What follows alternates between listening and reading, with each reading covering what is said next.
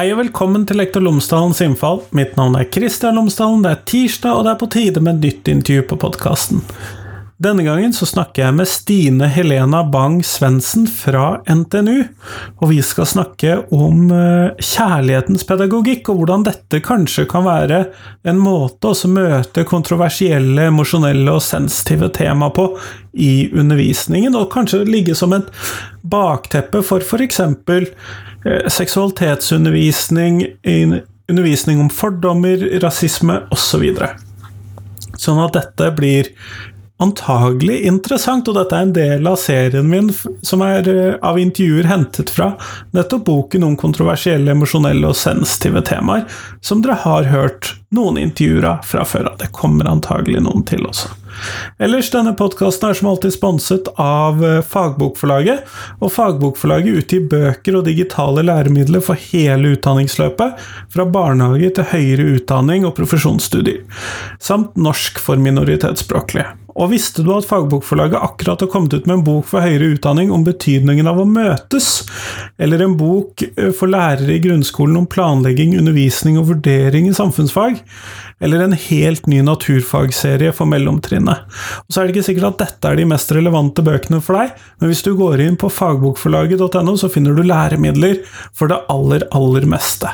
Men nå, nå skal du få høre intervjuet mitt med Stina Helena, vær så god!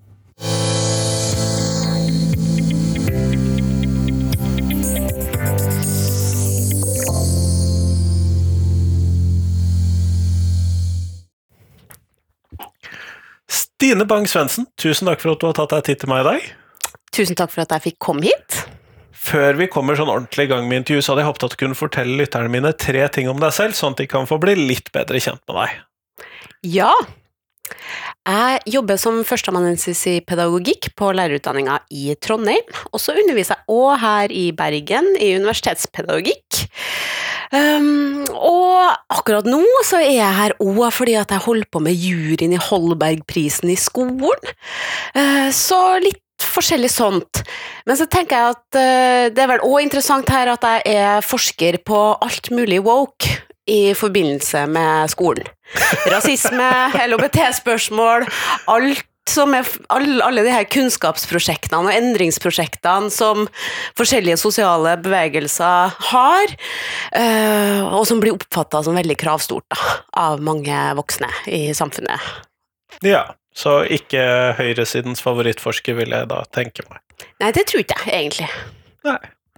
Eh, og dette er jo kanskje litt av det temaet som er vel tema på denne podkastepisoden, fordi at uh, du har jo vært med å skrive i en antologi, og der skriver du om dette her med uh, at lærere kanskje kan føle det som litt vanskelig å undervise om kjønns- og seksualitetsmangfold, og det, det er en oppfatning jeg nok kan dele. Her er det sprengkraft, og det er linegang litt innimellom, men uh, hva slags type vansker ser du at lærerne oppfatter i dette?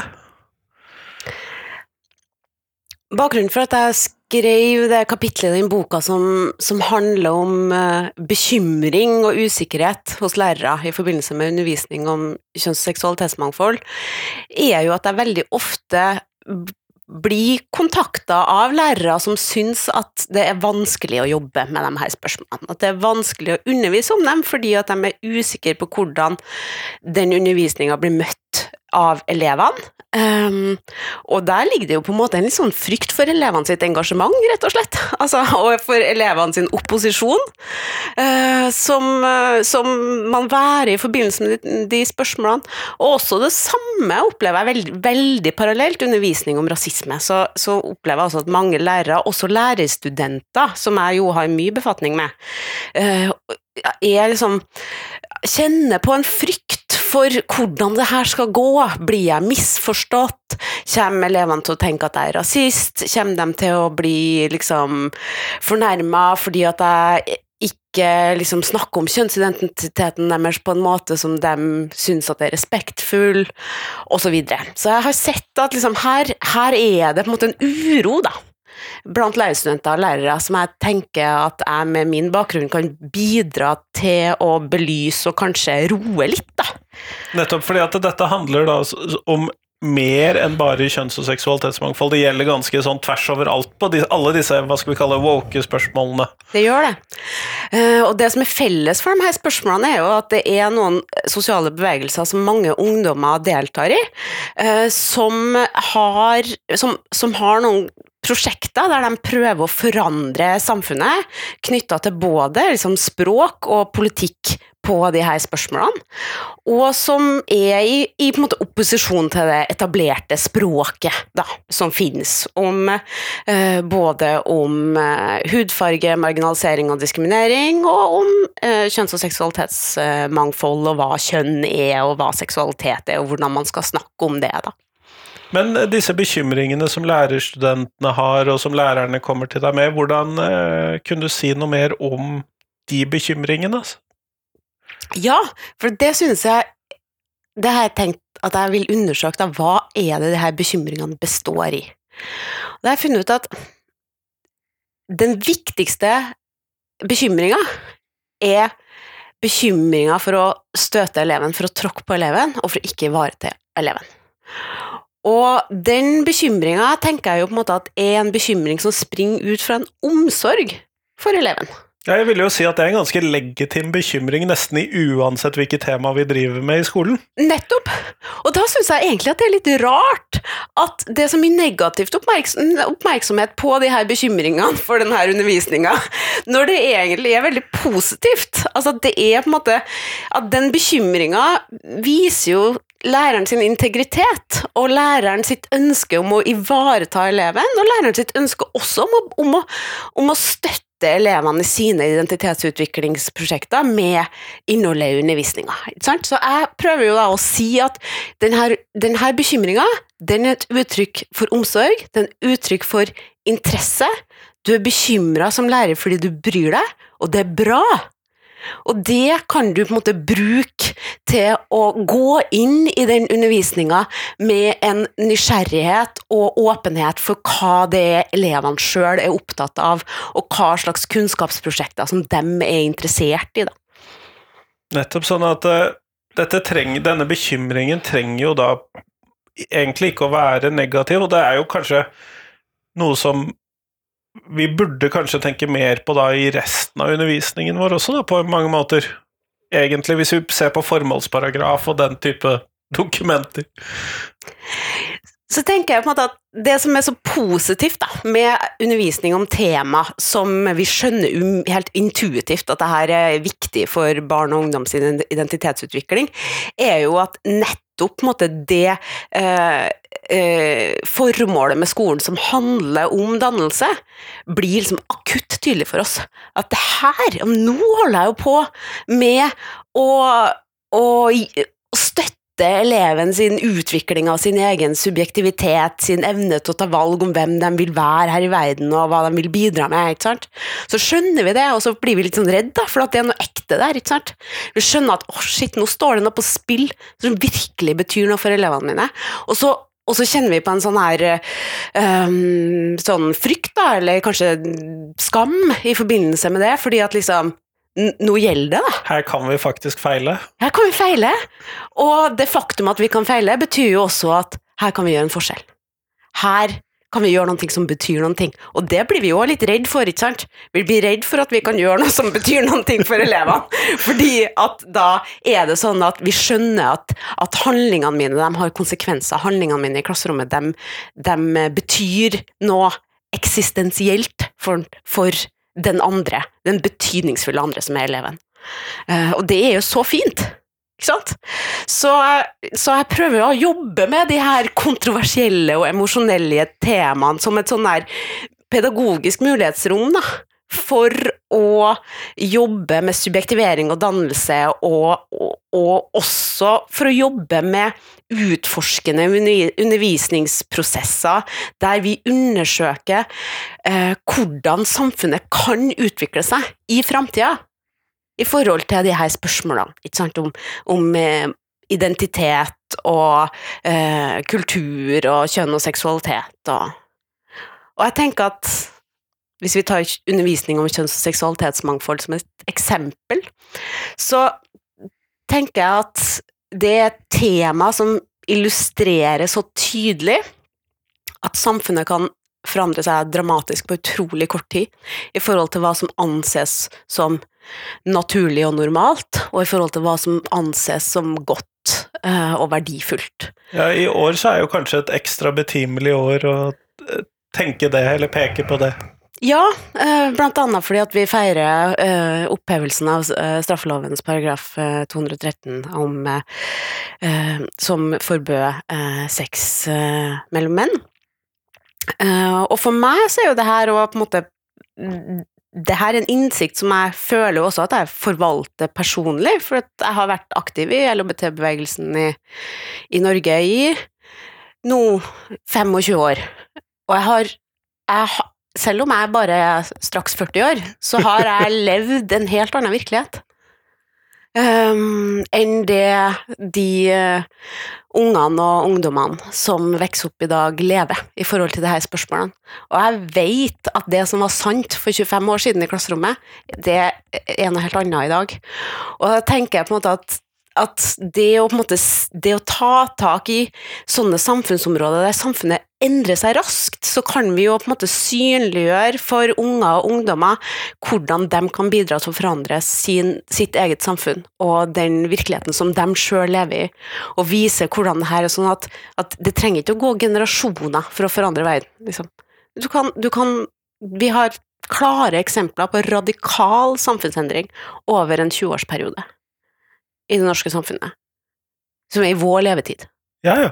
Eh, men det jeg antar at en og annen lytter nå vil allerede sitte og skrike litt inni seg selv, vil være Men hva med kapittel 9a i dette? Hører det inn under dette her i, som problemstilling? Ja, det gjør det. Uh, og det uh, gjør det fordi at en ting som jeg har eh, sett tydelig i vår, da, fordi at jeg er veldig dyktige masterstudenter som jobber med kjønns- og seksualitetsmangfold i skolen. Heldig du er. Ja, veldig heldig. Og de har, funnet, de har, lært meg mye nå de siste par månedene, og en ting som jeg ser i arbeidet deres, er at det er veldig stor forskjell på hvordan elever opplever skolemiljøet og det psykososiale miljøet på skolen i forhold til utenforskap, annerledeshet, kjønnsuttrykk, klær, seksuell trakassering, altså alt det liksom feltet her. Um, og hvorvidt de opplever at de har fått uh, lærerstøtte, altså voksenstøtte, til å snakke om kjønn, seksualitet, uh, identitet, um, og også selvfølgelig religion, utenforskap og andre sånne på en måte, identitetsspørsmål som de her ulike skolemiljøutfordringer på en måte hekter seg på. Da. Så vi ser da, hvis du tar på en måte sjette og, og sjuende trinn, da, så, så ser vi at det fins skoler der ungdommene har sin helt egen samtale om kjønn og seksualitet. De er jo kjempeopptatt av det. Altså, alle uh, tenåringer er kjempeopptatt av det. Og snakker om det masse, ikke sant? De som ikke har noe lærerstøtte i de her samtalene, de, opplever, de, de, de utvikler sitt helt eget språk som er veldig informert av TikTok og internett. Um, og de opplever at de voksne de forstår ingenting. De, de, skjønner absolutt ingenting. Og så ser vi også da at andre steder så har ungene fått uh, helhetlig undervisning om kjønn og seksualitet, og hatt lærere som har engasjert seg i samtaler med dem om det her siden de var små. Og dem uh, da har et eh, det, det, samme språket som vi har i faglitteraturen, og, og i den voksne samtalen om kjønns- og seksualitetsmangfold. Eh, og de evner å, å analysere og forstå sine egne og andre sine utfordringer. De har et språk for å liksom drøfte de er hekta på hverandre da, på ja, en annen måte. Ja, ikke sant? Og de, er, og de, er, i dialog med de voksne.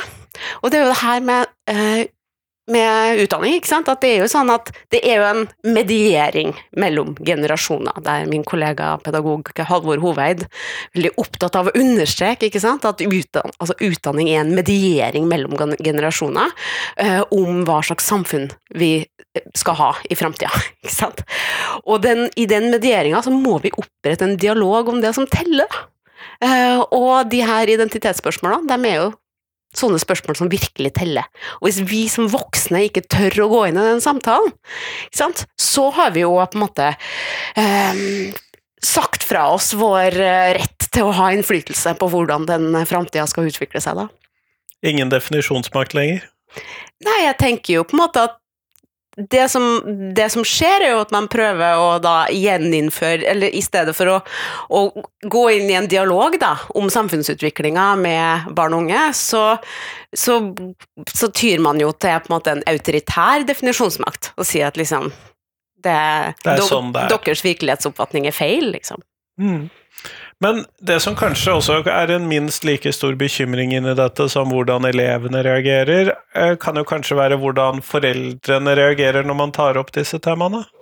Ja, fordi at det her er jo kontroversielle samfunnsspørsmål, og det er jo også sånn at Eh, at det kan være eh, foreldre som reagerer negativt på at man har en, en åpen og informativ samtale om eh, f.eks. kjønn og seksualitet med elevene. Da. Og da tenker jeg jo på en måte at det går at det er et godt utgangspunkt å møte, ele, altså møte foreldrene med liksom den, den, samme holdninga som jeg tenker at vi skal møte elevene med. Og det er jo nemlig på en måte spørsmålet om hva, dem, hva, hva er deres ønsker og behov inn i det her? Hva er det de opplever at står på spill? Og, hva, og hvordan kan vi på en måte gå i, i snakk med dem om, denne, om de her spørsmålene på en måte som gjør at dem må bli kobla på den samtalen, da, og kan bidra til å støtte ungene sine? i de eh, viktige spørsmålene i livet som de står i, da. Eh, så der tenker jeg jo på en måte at, at, det er et sånt enkelt svar når vi bekymrer oss for hva foreldrene vil si. Så må vi nesten spørre de foreldrene om hva de tenker. Og da er det jo sånn at når mine lærerstudenter spør meg skal jeg si fra til foreldrene før jeg skal ha sånn seksualitetsundervisning, eh, kanskje det er lurt å la være, så er det litt sånn hvorfor vil du la være? Kjenn etter nå. fordi det er skummelt? det, ja, det er fordi det er skummelt. Men så er det den der, da, og der kommer den der kjærlighetens pedagogikken, ikke sant. Når jeg kjenner at nå er det skummelt for meg, nå føler jeg at det står noe på spill, nettopp da skal jeg henvende meg til den andre akkurat når jeg kjenner på de følelsene, da er det en beskjed om at nå skal jeg spørre hvordan de andre har det. Nå skal jeg ikke bli her med mine eh, eh bekymra følelser eh, og tenke at de andre sikkert vil ha eh, de der foreldrene kommer sikkert til å si at uh, jeg prøver å uh, konvertere ungene deres til å bli trans, eller uh, Ikke sant? Altså, du vet ikke at de foreldrene tenker det. Og sjansen for at de foreldrene tenker det, er veldig eh, blir jo uh, mindre hvis, dem, hvis, du viser en åpenhet i forhold til hva det er du faktisk holder på med, som gjerne da er uh, å gi for, uh, ungene et, en kunnskap i grunn for sine egne spørsmål om identitet. Um, og det å ha den kunnskapen, da, om kjønn og seksualitet og andre identitetsspørsmål, det er jo en kjempehjelp for ungene. Eh, så det å forklare foreldrene det, liksom, de skjønner jo det. det. Hvis de får det forklart ofte, oftere da, enn hvis de ikke får det forklart, i hvert fall. Ja, Problemstillingen er vel kanskje mest der hvor foreldrene er dypt uenige med dette, og hvor det er et hva skal vi kalle det, forventningssprik mellom elevene og foreldrene.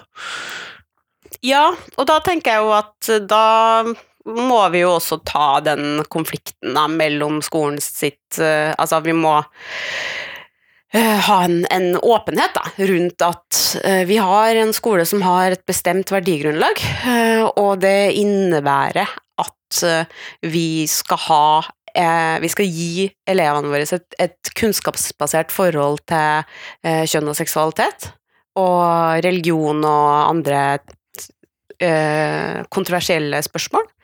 Eh, og det eh, er mm, Og da må jo skolen måtte stå for De stå må gjøre det. jobben sin. Ja. Men du snakket nå om kjærlighetens pedagogikk. Ja, Og da må vi nesten vite hva du mener med det. For du har Ja. brukt noen vanskelige ord, og de tror jeg vi forstår som fagpersoner, men kjærlighetens pedagogikk tror jeg ikke sier seg sjøl. Nei, og det er noe jeg har holdt med, da, fordi at det her, i det her feltet så har jeg opplevd at det er veldig mye sånn fokus på hvor vanskelig det er, med, eh, med sånn eh, kontroversielle spørsmål i skolen som er viktig for barn og unges identitetsutvikling. Eh, og så har jeg opplevd at det har vært litt sånn overdrevent fokus på vanskelighetene, og litt sånn lite fokus på ja, hva skal vi gjøre med det, da? Hva har vi på en måte som pedagoger noe svar på hva slags pedagogikk som funker da, i møte med de her spørsmålene.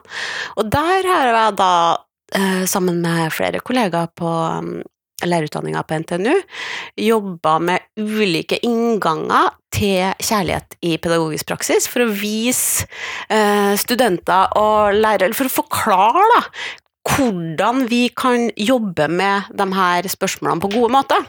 Så det er et forsøk på å lage en normativ pedagogikk da, for eh, hvordan vi kan jobbe med de her tingene. Og mitt utgangspunkt er jo i frigjør frigjøringspedagogikken. Eh, Paulo Freire har jo et veldig tydelig kjærlighetsbegrep i sin eh, frigjøringspedagogikk, som nettopp handler om å dyrke måte, den genuine interessen for det uforutsigbare mulighetsrommet som hver enkelt elev har i seg. Ikke sant? Altså det der at og, og også da dyrke interessen for det uforutsigbare mulighetsrommet som samfunnet vårt har.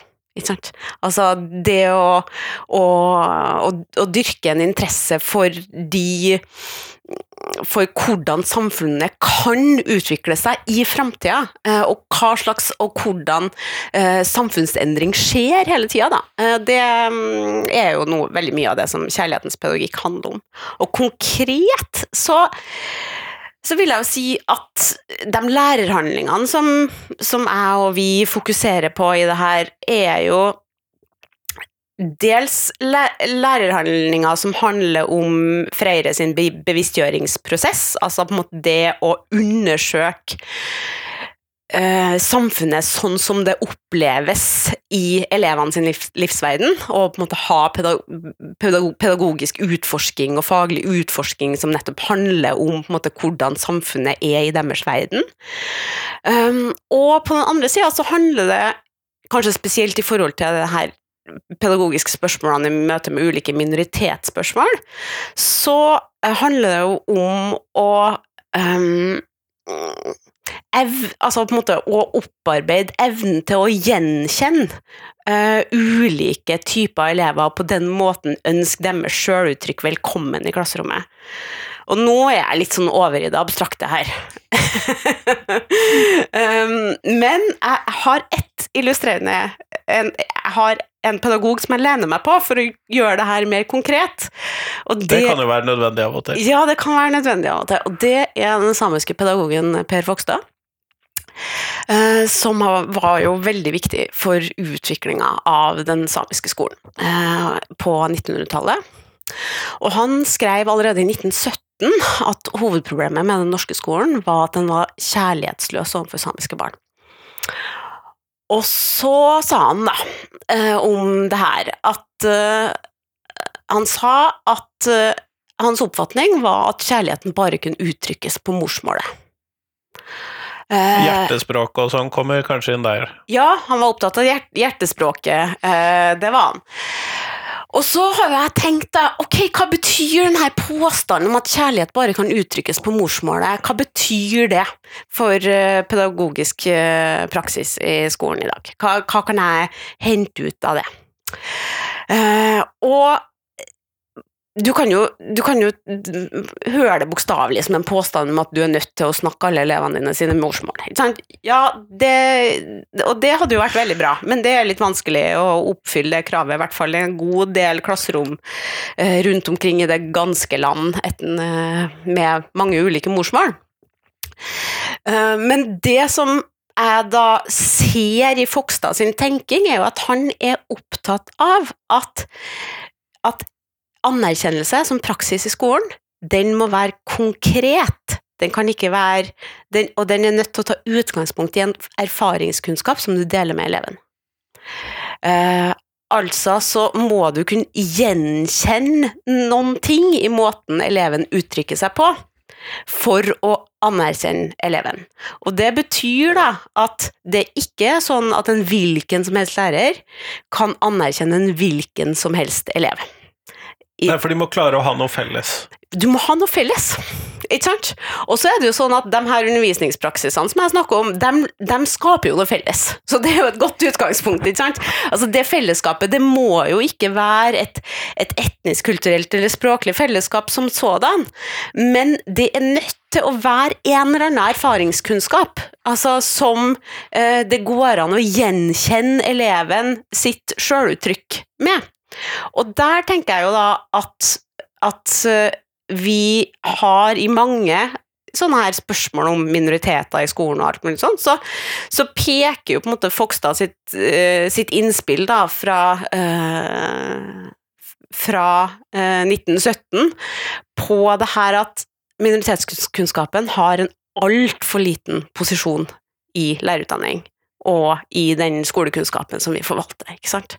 Og på tross av at de her innspillene kom for 100 år siden, så, så har vi fortsatt i dag da, en skole som ikke har en variert nok kunnskapsbase til at eh, eh, ulike elever har eh, lik anledning til å kjenne seg igjen i det som foregår på skolen, og bli gjenkjent på skolen, da, eh, i det som vi holder på med der. Og der tenker jeg jo på en måte at, at, at man må se at liksom kjærlighetens pedagogikk, ja, det handler jo om eh, det relasjonelle mellom lærere og elev, men det handler i aller høyeste grad om skolens organisering og skolens kunnskapsinnhold òg, da.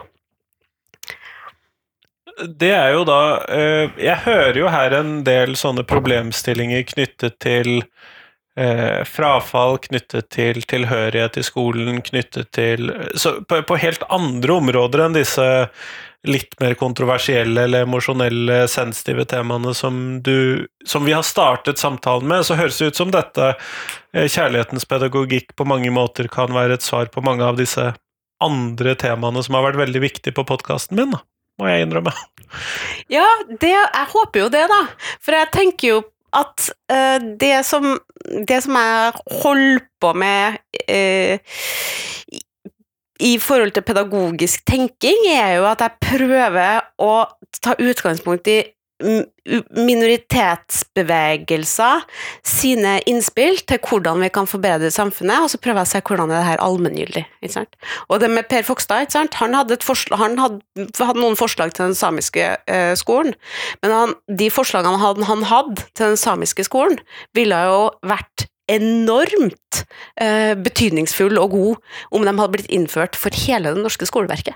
Ikke sant? Altså, det, var noen, det er noen forslag som, som er lagd for å, å løse én minoritet sine utfordringer, som har noen veldig store allmenngyldige implikasjoner. Det ser vi jo egentlig på veldig mange områder, f.eks. knyttet til tilpasning for elever med ADHD eller autismespekterdiagnoser og sånn, så vil de, de tilpasningene vil veldig ofte være gode også for i gåseøyne normaleleven. Mm. Um, Så, sånn at det er jo noe som jeg har sett før på andre sånne tilpasningssaker særlig, da. Mm. Eh, Det er jo litt interessant hvis det også kan tenkes ut fra en litt mer sånn allmennpedagogisk eh, perspektiv, som jeg opplever at dette her er mer enn bare tilpasning til ulike elevgrupper. Absolutt. Men hvis vi da skal prøve oss å ta denne hjertets, eh, kjærlighetens pedagogikken tilbake til dette klasserommet hvor vi tar opp litt vanskelige temaer sammen med elevene, Mm. Eh, hvordan oversetter vi dette da inn i møte med disse elevene eller disse foreldrene, når vi da skal eh, ta opp disse temaene som vi som lærere syns er litt vanskelig å ta opp med elever og foreldre? Hva er det som er viktig å tenke på? Hva er det vi bør ha i bakhodet? Jeg tenker jo at uh, en, det første vi trenger, er jo en trygghet på at vi vet hva vi snakker om. ja. Og det er jo for Altså, de fleste lærere vet jo at når jeg føler meg utrygg i møte med et tema jeg skal undervise i, så er det jo ofte fordi at jeg egentlig ikke kan nok om det. Eh, og det må vi jo ta tak i på egen hånd, eh, og sørge for at vi faktisk liksom har gjort et forsøk på å sette oss inn i hva slags kunnskap er det som eh, er i det her feltet som, som, elevene er opptatt av, og som vi som skole ønsker å bidra med. Og det er klart at det her er jo et tema som eh, det jobbes veldig lite med på lærerutdanningene rundt omkring. Eh, det, så, så, der må jo da lærerne dessverre ta en del ansvar sjøl, da. Eh, men det finnes jo noen utdanninger, etterutdanninger etter hvert, som det går an å ta. Heldigvis også. noen få. Ja, det gjør det. Så, så, det er det første. Og det neste er jo da å, å lage undervisning altså, altså er å, å, skape en dialog om hvordan vi skal jobbe med det her. Ikke sant? Og da er det jo sånn at det avhenger jo veldig av hva slags dialog vi har med elevene i det store og hele om undervisning og hva vi skal holde på med osv. Og, og det er jo Og det tenker jeg jo at, at uh, de her spørsmålene kan jo være en, en god innfallsvinkel til en ansvarliggjøring av elevene uh, i forhold til uh, undervisning og lærestoff også. Eh, altså det å på en måte ta deg med i samtaler på hvordan vi skal jobbe med spørsmål om hva som er spennende osv. Litt mer reell medvirkning da, kanskje? Ja, eh, for dem, jeg tenker jo at dette er et tema som virkelig krever at medvirkninga er reell. Eh, for hvis at den ikke er det, så eh, protesterer jo elevene med rette Uh, tenker jeg på at, uh, at her skal vi inn i ting som er kjempeviktige for dem, som de kan masse om. Eh, for det gjør de ofte. Uh, og så er det sånn at uh, vi som lærere har forhåpentligvis en kunnskap som er viktig og betydningsfull for dem i de spørsmålene som vi jobber med. Og så må vi lage rom for begge deler. Vi må lage rom for en dialog sant, mellom den kunnskapen som vi sitter med, og den som de sitter med. Og det er jo liksom en, en sånn konkret oppgave som jeg tenker at det, det er jo artig, da og, og undersøke eh, det, da. Og, og starte de der eh, dialogene med elevene om hvordan vi skal jobbe med ting. og men da må vi sette av tid både til den eh, kunnskapsoppbyggingen selv, og den, til denne hva skal vi kalle formingen av undervisningen. Så det krever jo tid. Ja, krever tid, men hvor mye tid krever det egentlig? Fordi at Som jeg sa tidligere, så er det sånn at det her snakker elevene om uansett. Er ganske, de er ganske påskrudd, da. Sånn at det kan ta fem minutter faktisk, å få noen innspill. Ikke sant? Sånn, ja, vi skal jobbe med liksom Ja, for de trenger ikke å forme hele undervisningsopplegget. Nei, det skal de men selvfølgelig ikke. Det er jo vårt ansvar som lærere, men de kan komme med noen innspill om hva som de syns er viktig. ikke sant? Og da er det sånn, at Hvis vi spør dem ja, vi skal jobbe med kjønn og kjønnsidentitet, hva dere syns er viktig, eh, og hva, vet, hva er det liksom dere vet fra før, og hva er det dere ønsker å ta opp, ikke sant? Og da liksom ja, og da kan det jo være at, eh, at det sitter en elev i klasserommet eh, som har pugga 72 ulike kjønnsidentiteter fra eh, TikTok eller Twitter. Så, ja. og, og, det eh, Da er det noe med at liksom Ja, men da tar vi tak i det, ikke sant? Hva er det de som holder på med de her 72 kjønnene, prøver å, å si? Ikke sant? Prøve å finne ut av det. Og så må vi finne noe annet sånn kjønnsteori, da. Å, så, så, sånn at vi ikke bare, bare, sitter med det, på en måte. Uh, og så vi jo, har vi noen ulike oppdrag der. Eller det kan være sant, at, at det er Um, noen som er veldig opptatt av uh, um, kjønnsuttrykk og uh, sånn her uh, kostyme, cosplay og sånn her uh, ja, ulike sånn populærkulturelle måter å jobbe med Eller å utforske kjønn og seksualitet på. Det er kjempespennende, ikke sant? Mm. Men jeg tenker begge de her tingene er jo eksempler på ting som de færreste lærere hadde kommet på at det er liksom relevant for undervisning om kjønns- og seksualitetsmangfold, men som vi, som, som vi ser når vi, når vi, er i dialog med barn og unge om hva de uh, tenker på, da, og hva, hva, slags kunnskap de er, i, utvikler i forhold til det, så ser vi jo at, at sånne ting kommer opp, liksom. Vi får jo også da moroklumpen som sitter og sier at uh, mitt kjønn er Apache-helikopter. Ja, og det tenker jeg jo at det er jo også en del av kulturen, og det må vi òg eh, jobbe med, ikke sant? Uh, så det jeg, jeg, tenker jo på en måte at du, når du tar det innspillet på alvor, så får jo på en måte den uh, deltakeren et forklaringsproblem, for det er jo et veldig krevende argument å fremføre. Uh, fordi at det har jo ingenting med kjønn å gjøre.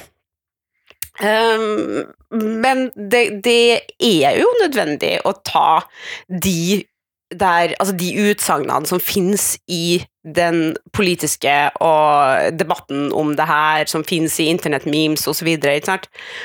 Det er jo kjempeinteressante ting å, å drøfte med elevene.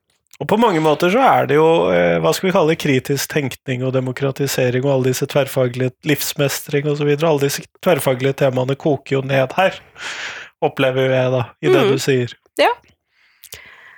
Så det er jo sånn da med på en måte å, å å kaste seg inn da, i den usikkerheten over hva, hva, det her egentlig handler om, da, og på en måte å bruke den, eh, den, usikkerheten på hva slags kunnskap er det egentlig vi, vi trenger da, om kjønn og seksualitet eh, i samfunnet. Så er det noe at liksom, ja vi, har, vi, det, vi vet jo òg veldig godt at, at eh, elever har, trenger jo masse kunnskap om kropp og anatomi som de ikke finner på TikTok, um, som er faktisk kjempenødvendig for deres egne identitetsmessige drøftinger av ulike ting. Det er veldig viktig.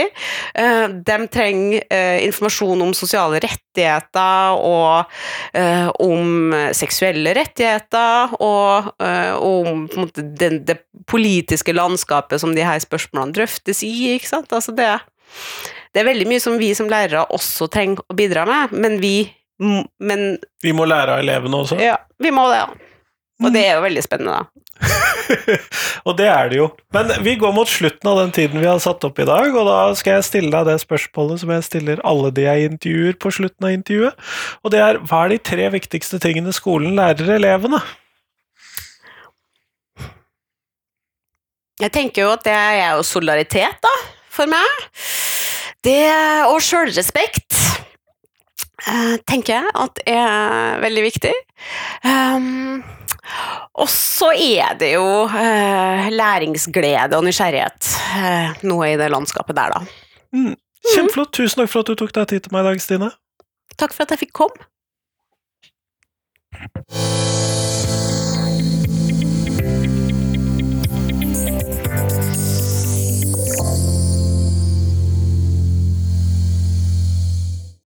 Tusen takk til Stine, og tusen takk til deg som har hørt på.